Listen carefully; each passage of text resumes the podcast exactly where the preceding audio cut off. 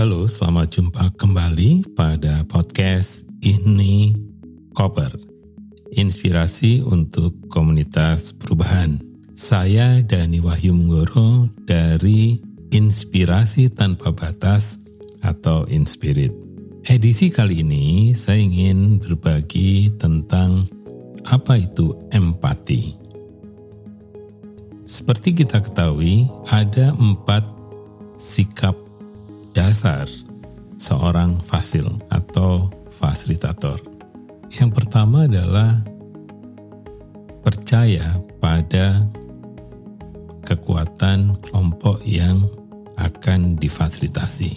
Yang kedua, selalu berpikir positif tanpa syarat bahwa kelompok yang akan dibantu itu mampu memecahkan masalah yang dihadapinya.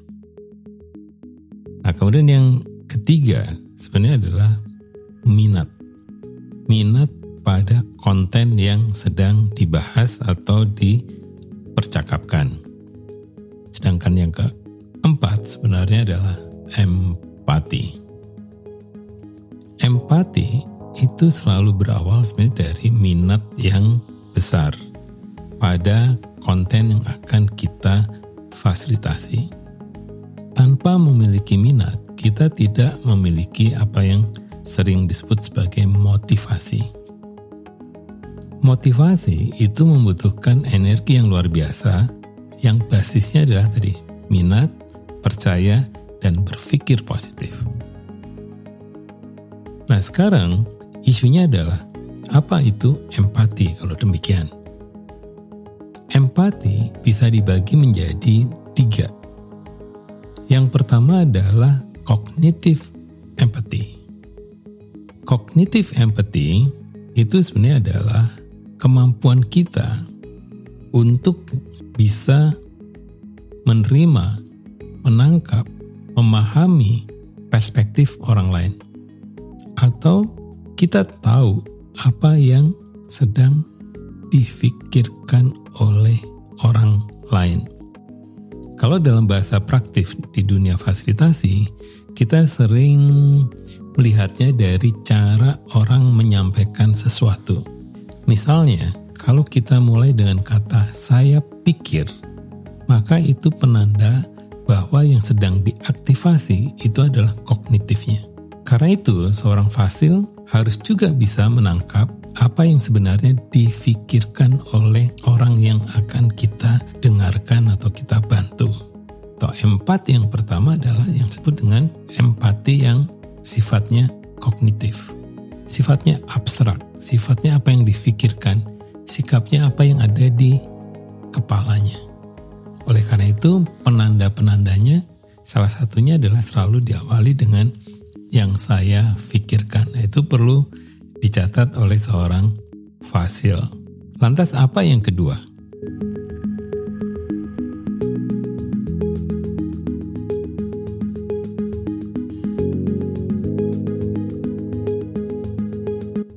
Yang kedua, kita sering di, disebut sebagai yang kedua sering disebut sebagai emotional empathy. Kalau tadi kita fokus pada apa yang difikirkan oleh seseorang, pada emosional empati kita fokus pada perasaan orang lain. Bagaimana kita bisa merasakan apa yang dirasakan oleh orang lain? Karena itu, salah satu yang kita bisa belajar dari proses fasilitasi, biasanya orang akan mulai dengan kata-kata yang saya rasakan. Rasanya selalu memulai dengan kata rasa. Nah, di situ kita mulai bisa menangkap apa yang sebenarnya dirasakan. Selain itu, memang di proses ini mau tidak mau seorang fasil itu harus membuka hatinya, membuka diri, menyimak, mengobservasi, merespon dengan matching energi yang disampaikan oleh orang yang sedang bicara tatap wajahnya, tatap mukanya, dan dengarkan dengan baik-baik apa yang sebenarnya dibalik kata-kata yang sedang disampaikan. Nah, di sini itu perlu kita mengaktifasi rasa atau dalam konteks otak itu ada yang disebut dengan amigdala. Bagaimana kita terkoneksi energinya dengan orang yang sedang kita akan bantu atau akan fasilitasi. Jadi di sini lebih apa ya? Lebih mengaktifasi sebenarnya adalah perasaan-perasaan yang kita miliki. Jadi seorang fasil harus tahu juga apakah perasaannya sedang happy, apakah sedang terbuka, apakah lagi sedih juga. Itu penting karena pada saat itulah kita bisa juga merasakan orang lain. Kadang kita hanya fokus pada apa yang difikirkan oleh orang lain, tetapi tidak fokus pada apa yang dirasakan oleh orang lain karena kadang kaitannya dengan output pekerjaan atau outcome pekerjaan. Itu yang kedua. Jadi mau tidak mau ya kita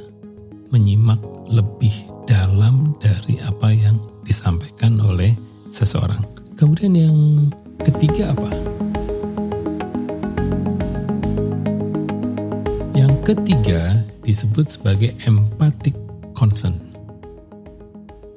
atau apa yang sebenarnya orang inginkan dari kita apa yang sebenarnya kita juga bisa melihat kepedulian orang yang sedang kita bantu. Jadi mereka selalu juga punya concern pada diri kita. Jadi di sini sebenarnya lebih dalam lagi dari emotional empathy.